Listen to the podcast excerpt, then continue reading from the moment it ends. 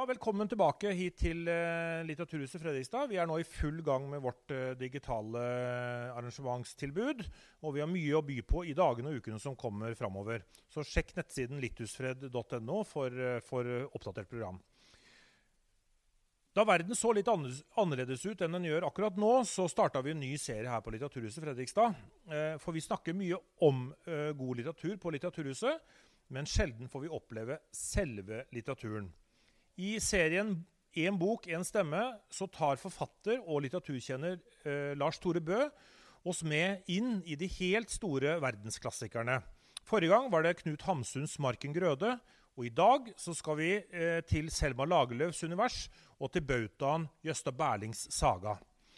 Hvis du ønsker å bidra til videre drift på Litteraturhuset Fredrikstad, så kan du gjøre det ved å kjøpe en billett. og Du velger billettprisen selv, og vips nummeret er 55 20 83. Da setter vi over til studio her på Litteraturhuset Fredrikstad. Den svenske sagotanten er det veldig mange som har et forhold til. Ikke minst takket være Nils Holgerssons forunderlige reise. En bok hun skrev på bestilling fra den svenske stat.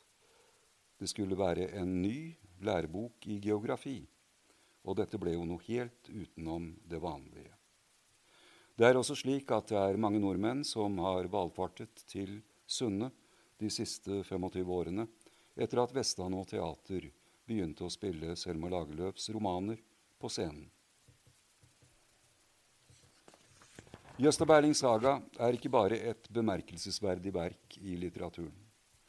Det er også et glitrende eksempel på hvordan all stor kunst alltid er foran sin tid. Den kom ut i 1891, et drøyt kvart århundre før begrepet magisk realisme ble brukt, først i billedkunsten. Senere kom de store magiske realistene 70 år senere, med Marquez og Borges i Latin-Amerika, Gynter Grass og Ernst Jünger på kontinentet, og ikke minst Selma Lagerlöfs sambygding Gøran Tunstrøm. Det var vel også slik at da romanen kom, så visste ikke samtidens kritikere hva dette var for noe. Var det en samlingssagn fra Värmland? Var det en billig dameroman? Var det en moralistisk pamflett ispedd selvbiografiske erindringer? Var det en filosofisk roman der den danske Søren Kirkegård spøkte i bakgrunnen? Var det en roman i det hele tatt? I hvert fall ble Jøsta Berlings saga en bok, en samling fortellinger, som gikk langt utover sin egen intensjon, og sannsynligvis også Selma Lagerlöfs intensjon. Det er leserne som gjennom 130 år har skapt Jøsta Berlings saga.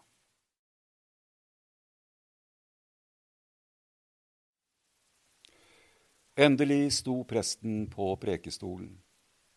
Forsamlingen løftet hodet. Så, der var han allikevel. Det skulle ikke bli messefall denne søndagen som den forrige og mange søndager før. Presten var ung og høy, smekker og meget vakker.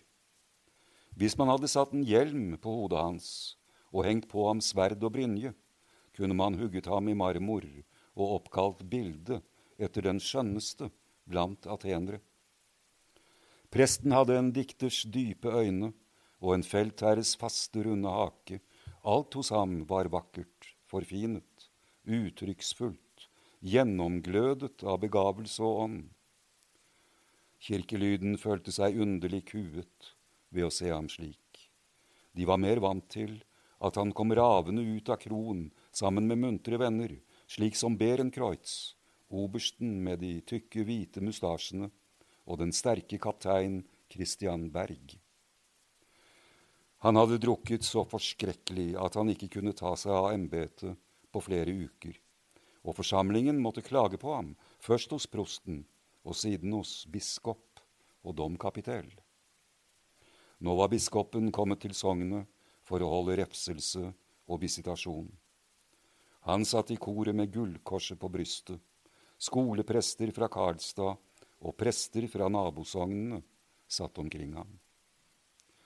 Det var ikke tvil om at prestens oppførsel hadde gått over grensen for det tillatelige.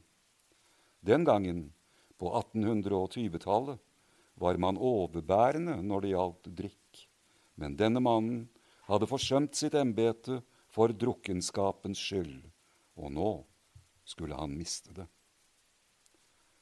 Han sto på prekestolen og ventet mens det siste verset av salmen ble sunget.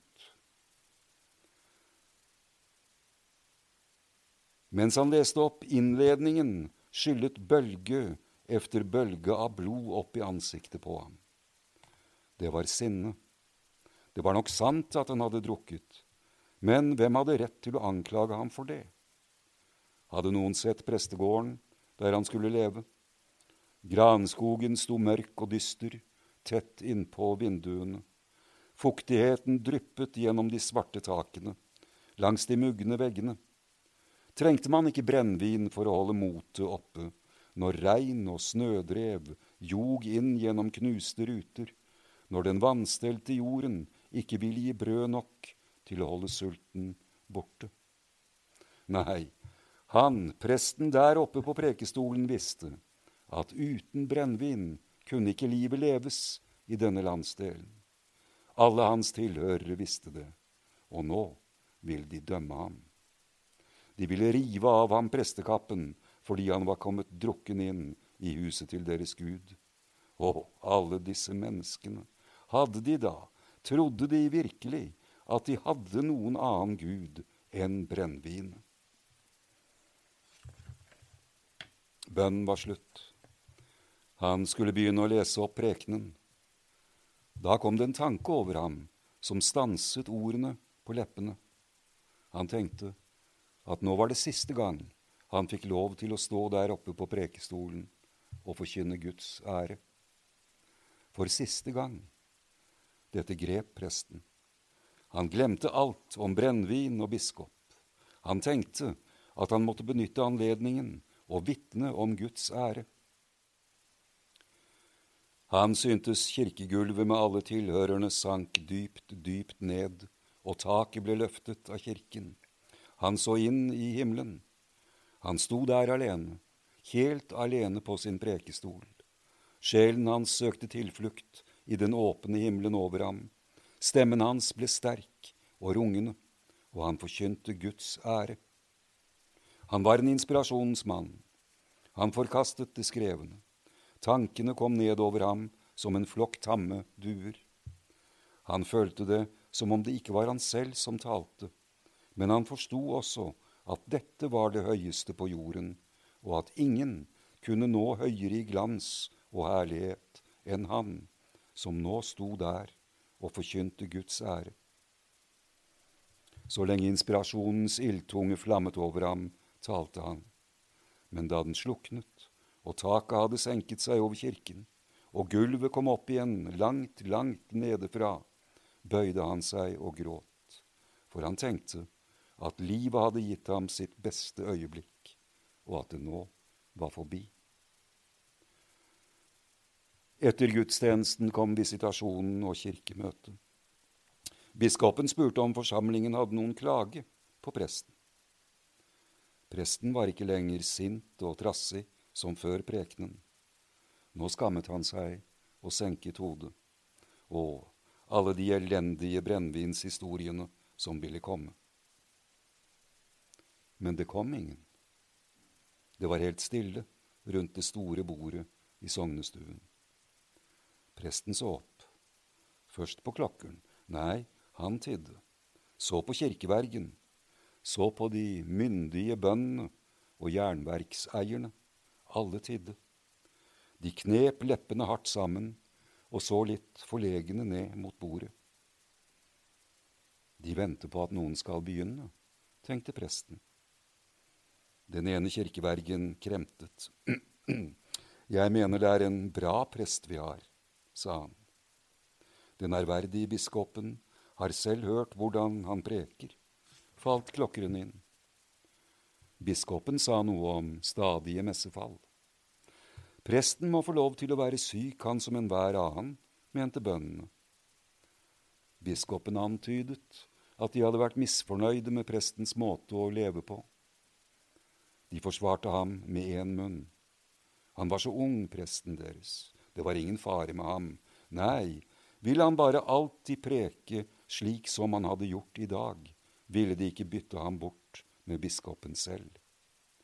Det fantes ingen anklager. Det kunne ikke finnes noen dommer. Presten kjente hvordan hjertet viet seg ut, og hvor lett blodet strømmet gjennom årene.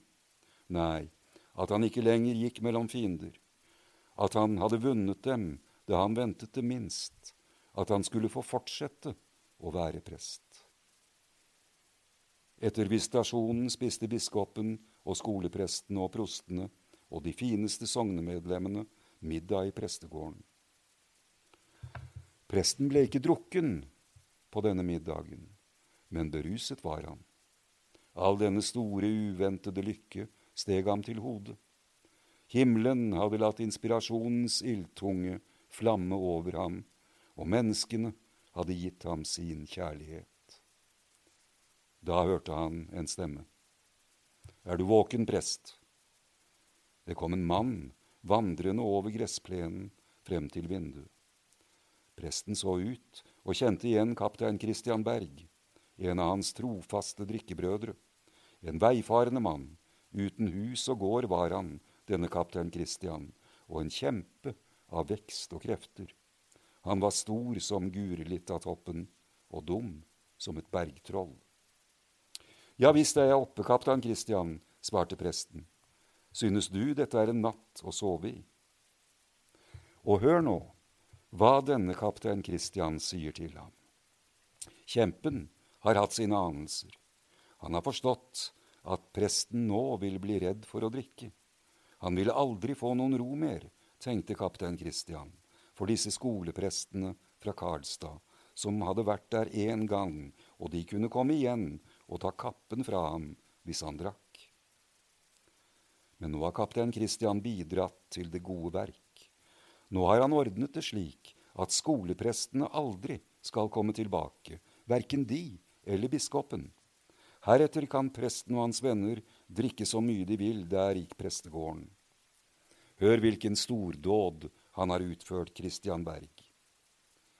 Da biskopen og begge skoleprestene var steget inn i den lukkede vognen, og døren var blitt omhyggelig stengt bak dem, steg han opp på kuskebukken og skysset dem en mil eller to i den lyse sommernatten. Og da hadde Christian Berg latt de ærverdige kjenne hvor løst livet sitter i menneskekroppen. I det galeste renn lot han hestene løpe. Det skulle de ha, fordi de ikke ville tåle at en ærlig mann fikk en rus. Tror dere han kjørte veien med dem? Tror dere han voktet dem for støt? Han for over grøfter og stubbmarker. Han for i svimlende galopp utfor bakkene. Han for langs sjøstranden så vannet sprutet om hjulene. Han var nære på å sitte fast i myren, og det bar av sted utfor nakne berg, så hestene sto med stive ben og skled. Og hele tiden satt biskop og skoleprester med bleke ansikter bak lærgardinene og mumlet bønner.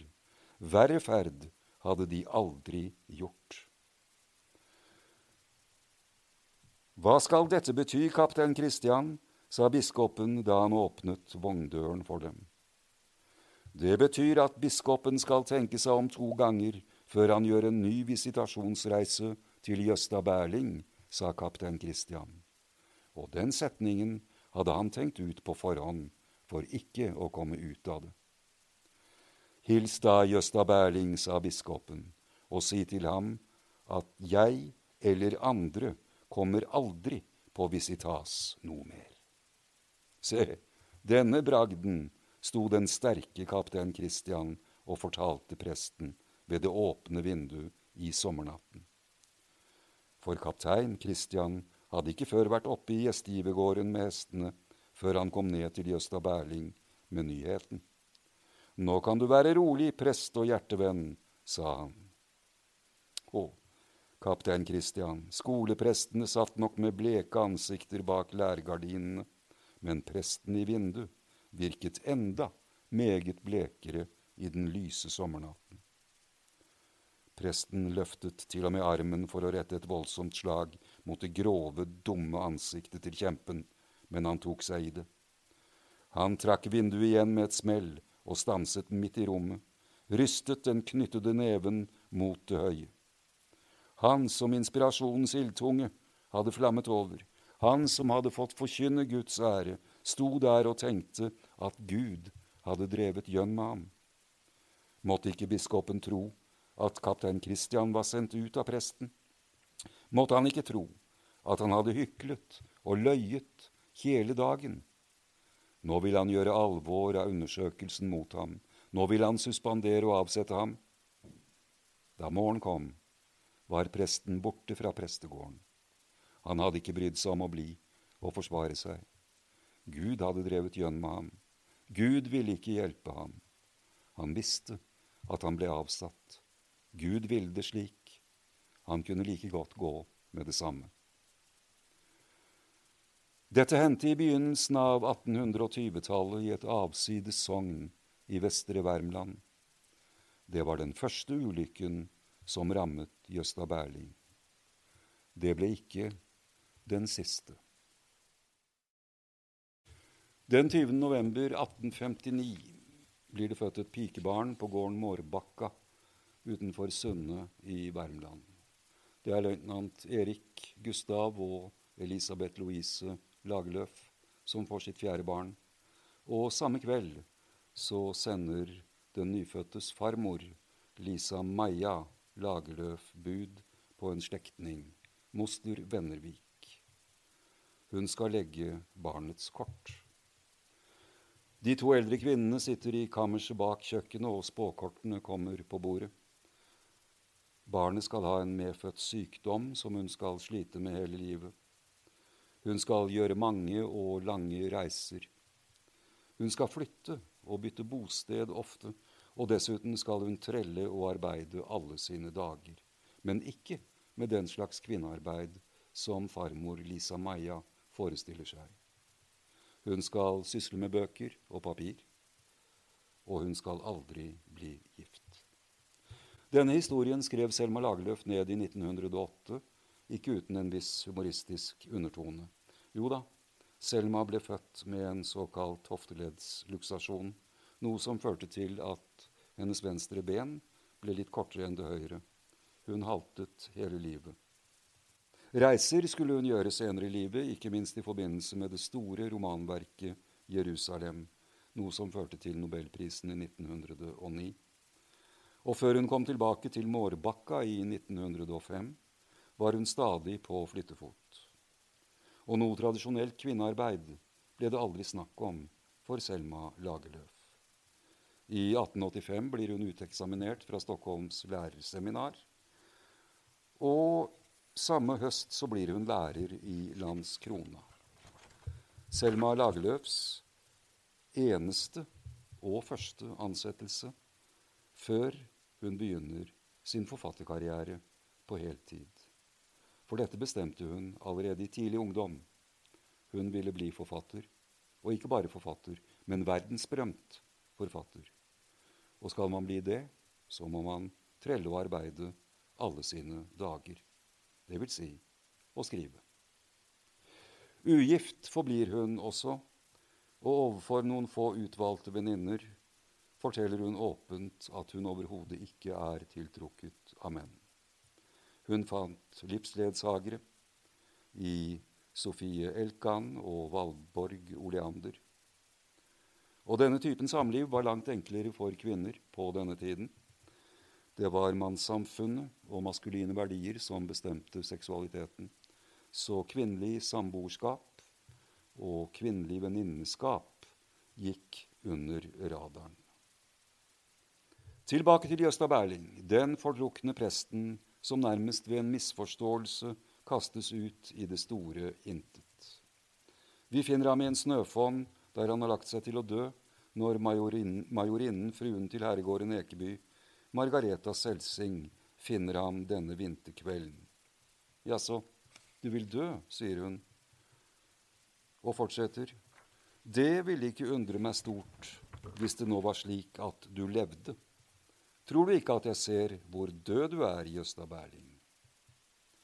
Nå forteller majorinnen sin historie, og paradoksalt nok konkluderer hun med at heller ikke hun lever. Hun har ofret sin egentlige kjærlighet for å gifte seg med majoren på Ekeby og bli den mektigste kvinnen i Värmland. Gjøsta Berling blir tatt med til Ekeby av majorinnen, og der tas han imot av kavalerene. Og hvem er disse kavalerene? Det er julefest på Ekeby.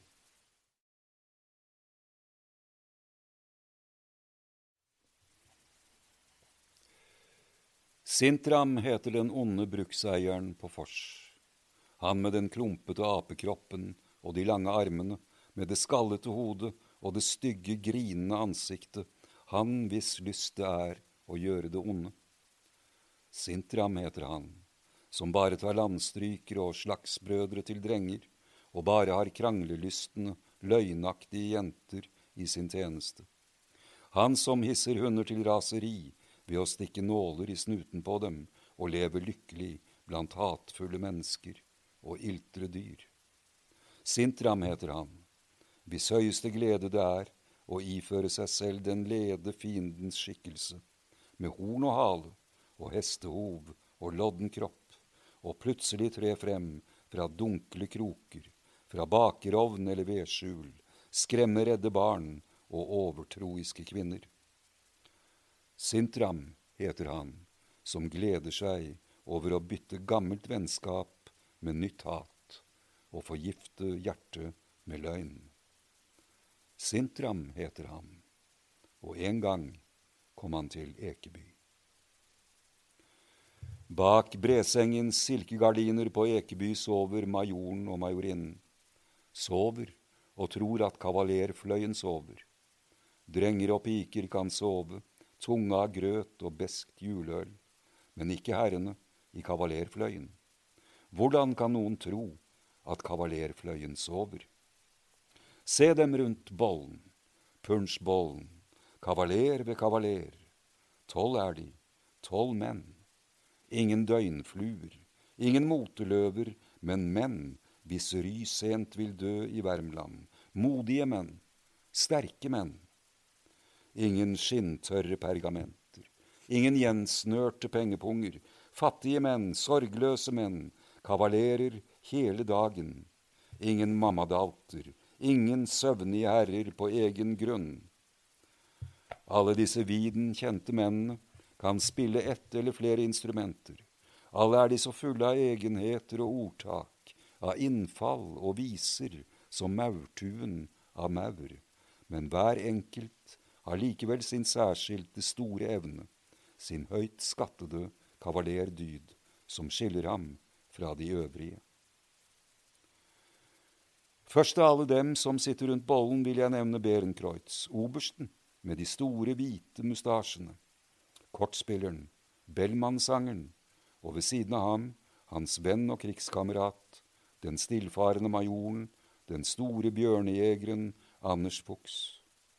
Og som den tredje i laget, lille Ruster, trommeslageren, som lenge har vært oberstens tjener, men oppnådde kavalers rang ved dyktighet i punchbrygging og cembalo-akkompagnement.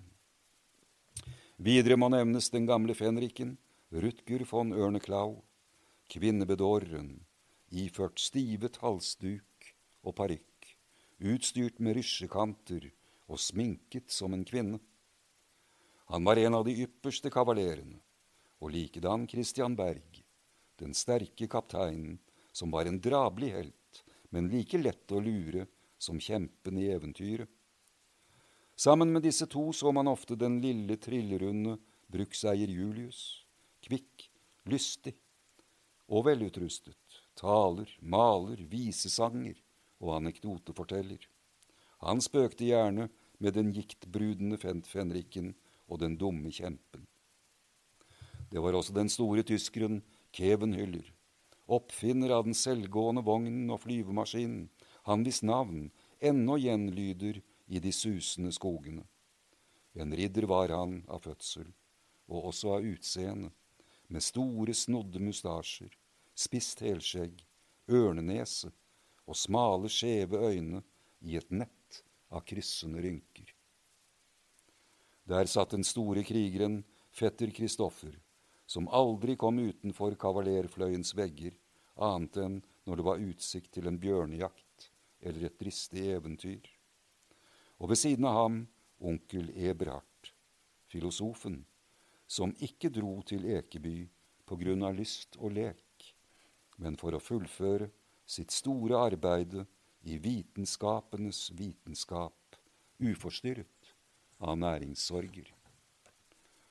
Sist av alle nevner jeg nå den beste i flokken, den blide Løvenborg, den fromme mannen som var for god for denne verden og forsto lite av dens veier, og Liljekrona, den store musikeren som hadde et godt hjem og alltid lengtet dit, men allikevel måtte bli på Ekeby, for hans sjel trengte rikdom og avveksling for å utholde livet.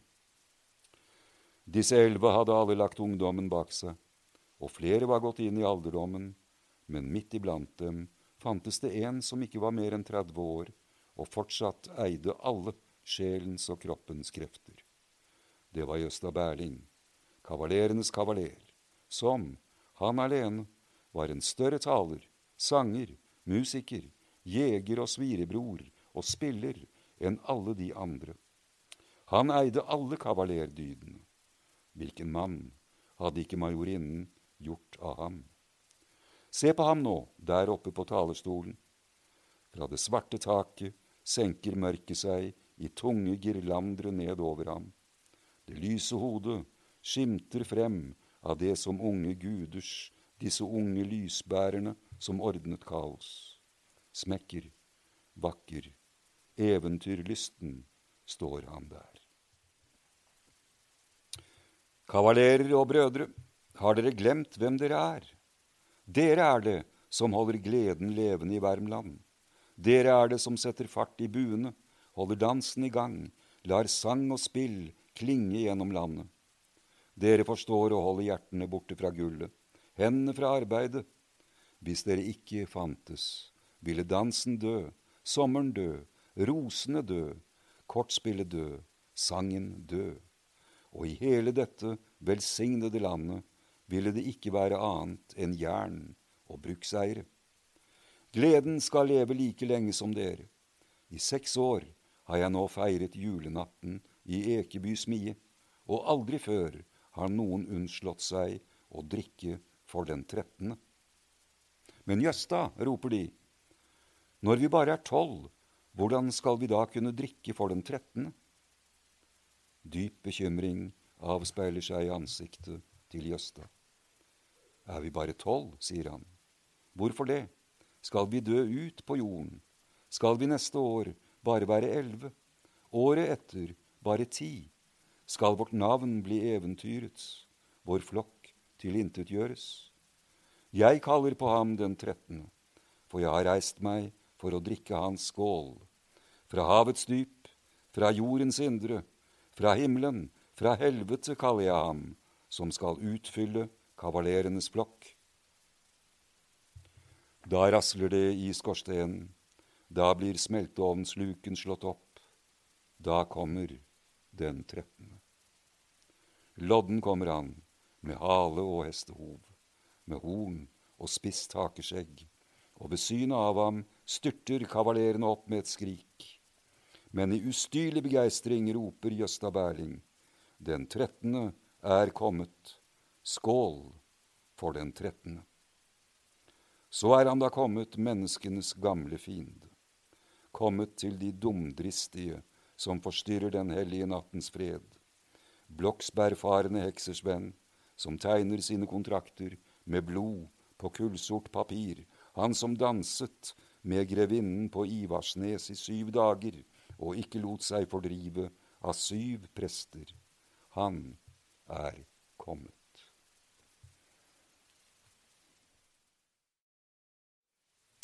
Denne julenatten inngår kavalerene en kontrakt med djevelen. Ved hjelp av Sintram skal majorinnen drives fra gård og grunn. For fra sine syv bruk og kavalerene skal få overta driften. Forutsetningen er at de ikke skal gjøre noe som er klokt og nyttig. De er tross alt kavalerer. Og nå veves det et nett av historier der selvfølgelig kvinnene spiller en rolle.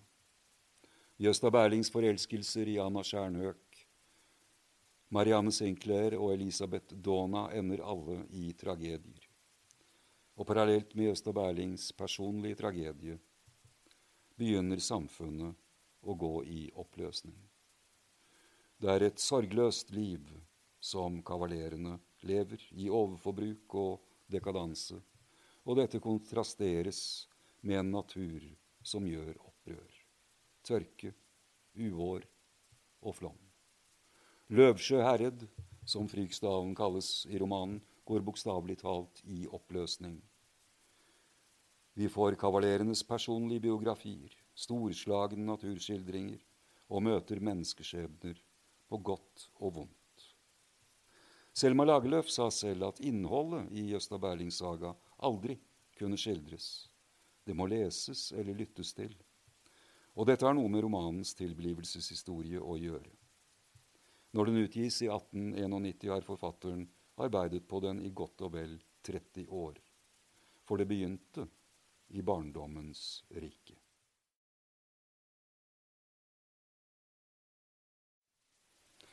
Og sene tiders barn. Jeg har ikke noe nytt å fortelle dere, bare det som er gammelt og nesten glemt. Jeg har sagn fra barneværelset, der de små satt på lave skamler rundt eventyrfortellersken med det hvite håret. Eller fra peisbålet i stuen, hvor drenger og husmenn satt og pratet mens det dampet av de våte klærne, og de trakk kniver opp av lærsliren ved halsen for å smøre smør på tykt, mykt brød. Eller fra salen, hvor gamle herrer satt i ruggende gyngestoler og opplivet av den rykende toddyen snakket om svunne tider. Sto så et barn som lyttet til eventyrfortellersken, til arbeidskarene, til de gamle herrene, ved vinduet i vinterkvelden, da så det ingen skyer ved himmelranden, for skyene var kavalerer som jaget over himmelhvelvet i skranglete spissleder. Stjernene var vokslysene som ble tent i den gamle grevegården på Borgsodde, og rocken som surret i rommet ved siden av, ble trådt av den gamle Ulrika Dilner. For barnets hode var fylt av de gamle tidenes mennesker. For dem levde og svermet det. Disse barndomsopplevelsene lagres, og de vokser, fram til hun sender inn fem kapitler til det ukebladet Idun i januar 1890. Der utlyste en skrivekonkurranse, og Selma vinner med sitt bidrag. Og nå heter det Fra Jøsta Berlings saga. Etter nok et år så er romanen ferdig. Men veien frem har vært kronglete og vanskelig. Familien Lagerlöf opplever nederlag på nederlag. Fra en relativt velstående tilværelse på Mårbakka opplever Selma at de må flytte fra gården, og den økonomiske nedgangen i Sverige på 1870- og 80-tallet løper parallelt med faren Eriks tiltagende alkoholisme og tragiske død. Men det var veier ut, og som alle kriser, både de personlige og i samfunnet, er det også nye begynnelser. Det var det for Selma Lagerlöf, og det var det for Jøsta Berling, og det fantastiske landskapet rundt Løven sjø. Og det er det også for oss i disse tider. Men det krever mot og utholdenhet å stå i krisen. Og det krever fantasi når tiden vender og det nye bryter igjennom.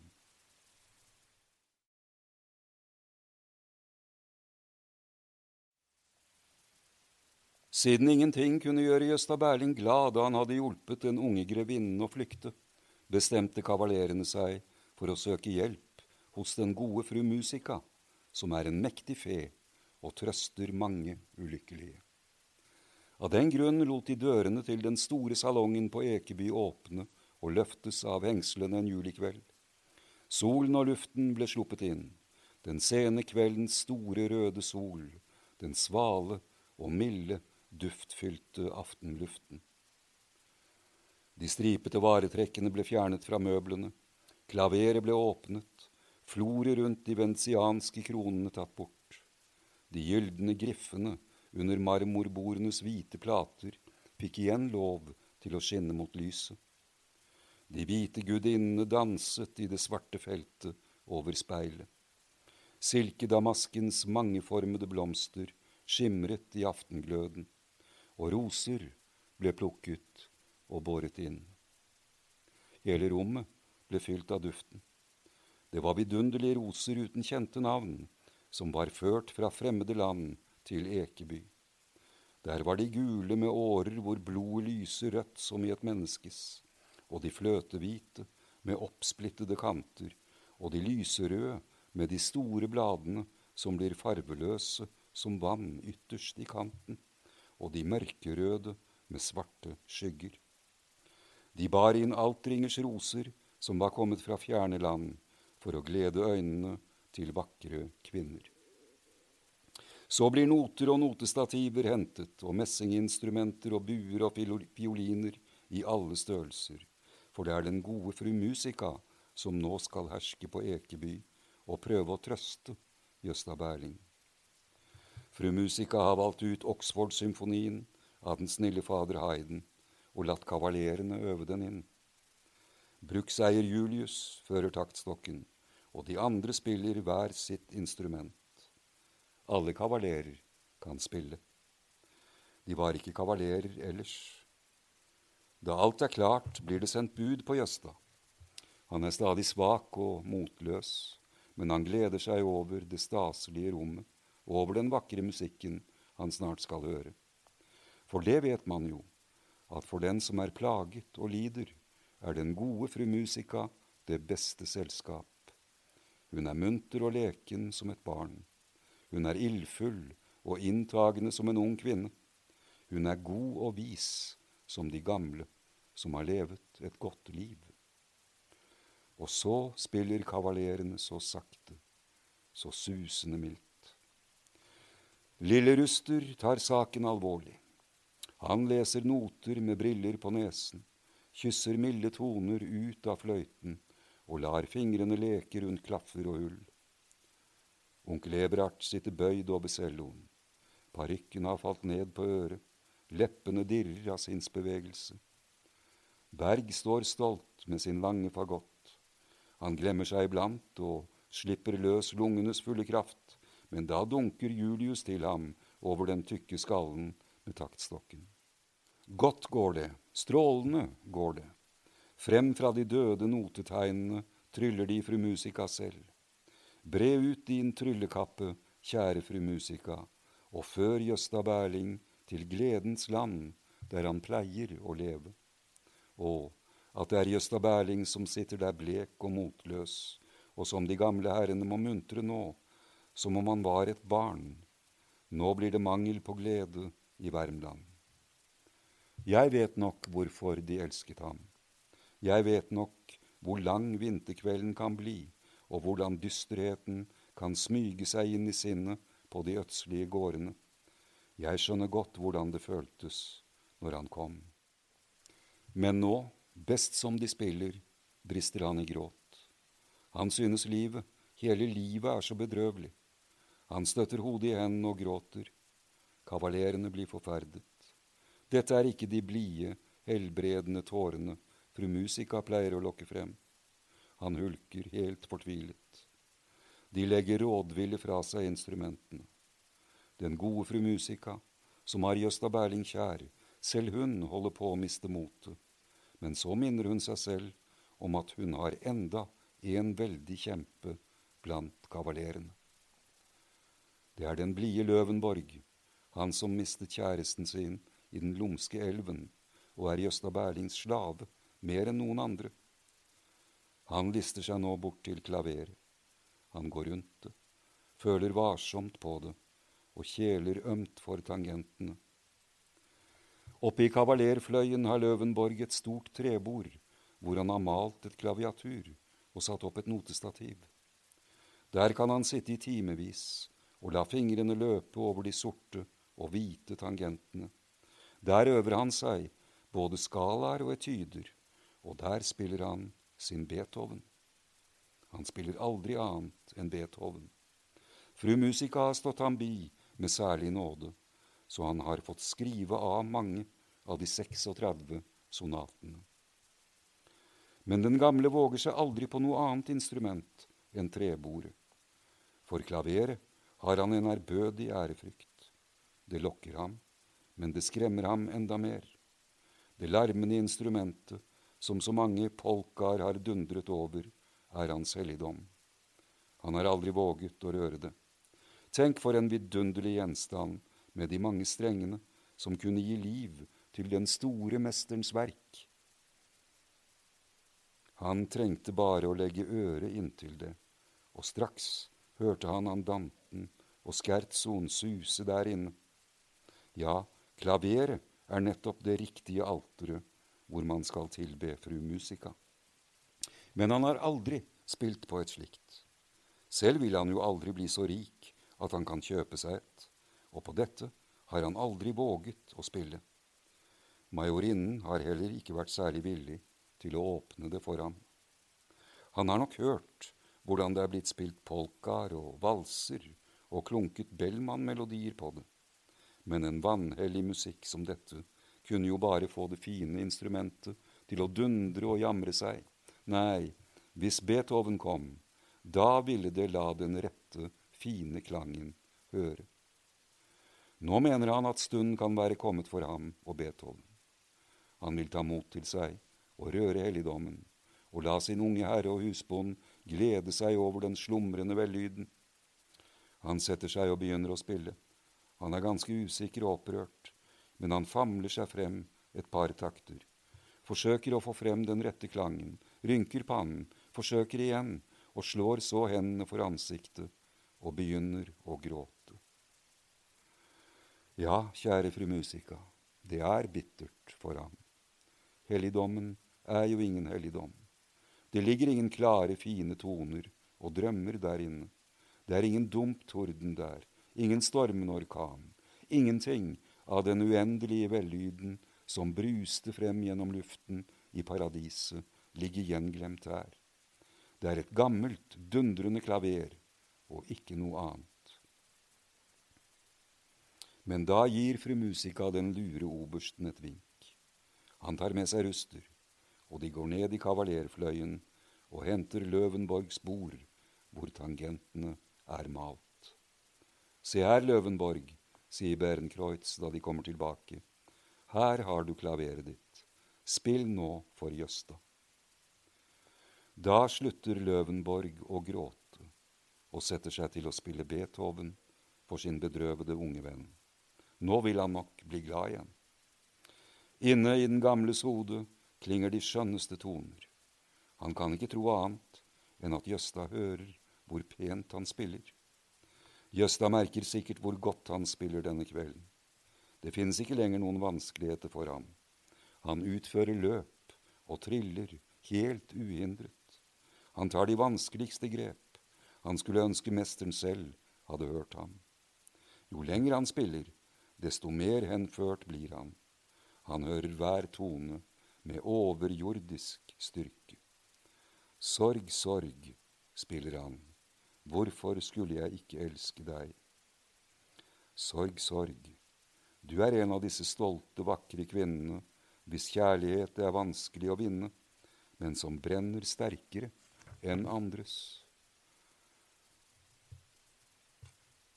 Å, hvor jeg har lidd og hvor jeg har lengtet siden jeg mistet den jeg først fikk kjær. Mørk natt var det utenfor meg og inne i meg. Jeg lå nedsenket i bønn, i tunge, uhørte bønner. Himmelen var stengt under min lange venting. Ingen ånd kom fra det stjernestrødde rommet for å trøste meg.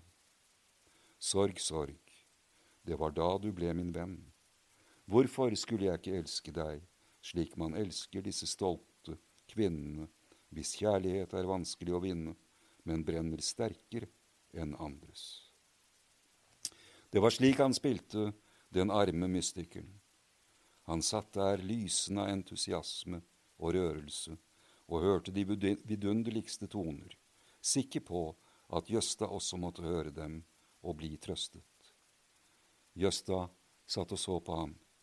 Til å begynne med var han bister over dette narrespillet, men så ble han blidere etter hvert.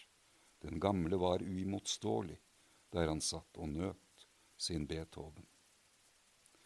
Og Jøsta begynte å tenke over hvordan selv denne mannen, som nå var så blid og sorgløs, hadde vært nedsenket i lidelse, hvordan også han hadde mistet sin elskede. Og nå satt han der, så strålende lykkelig ved sitt trebord. Trengtes det ikke mer for å gjøre et menneske glad? Han følte seg ydmyket. Hva, Jøsta, sa han til seg selv, kan du ikke lenger tåle å utholde? Du som er blitt herdet av fattigdom hele ditt liv, du som har hørt hvert tre i skogen, hver tue på engen, preke om forsakelse og tålmodighet, du som vokste opp i et land hvor vinteren er hard og sommeren karrig, har du glemt kunsten å holde ut. Å, Jøsta, en mann må bære det livet byr, med mot i hjertet og en spøk på leppene. Ellers er han ingen mann. Savn så mye du vil hvis du har mistet kjæresten din. La samvittighetskvalene grave og tære i ditt indre, men vis deg som en mann og vermlending. La blikket lyse av glede, og møt dine venner med muntre ord. Strengt er livet, strengt er naturen, men de to skaper mot og glede som motvekt mot sin hårhet. Ellers ville vel ingen utholde dem mot og glede. Det er som om dette er livets fremste plikter. Du har aldri sviktet dem før, og du skal heller ikke gjøre det nå. Er du dårligere enn Løvenborg, som sitter der ved treklaveret, enn alle de andre kavalerene, de modige, de sorgløse, de evig unge? Du vet nok at ingen av dem har unngått lidelsen. Og så ser Jøsta på dem. Å, for en tilstelning! De sitter der dypt alvorlig alle sammen og lytter til den musikken ingen hører. Plutselig blir Løvenborg revet ut av drømmene sine av en munter latter. Han løfter hendene fra tangentene og lytter i begeistring. Det er den gamle latteren til Jøsta Berling den gode, vennlige, smittende latteren. Det er den fineste musikken den gamle har hørt i hele sitt liv. Visste jeg ikke at Beethoven ville hjelpe deg, Jøsta, utbryter han. Nå er du jo bra igjen.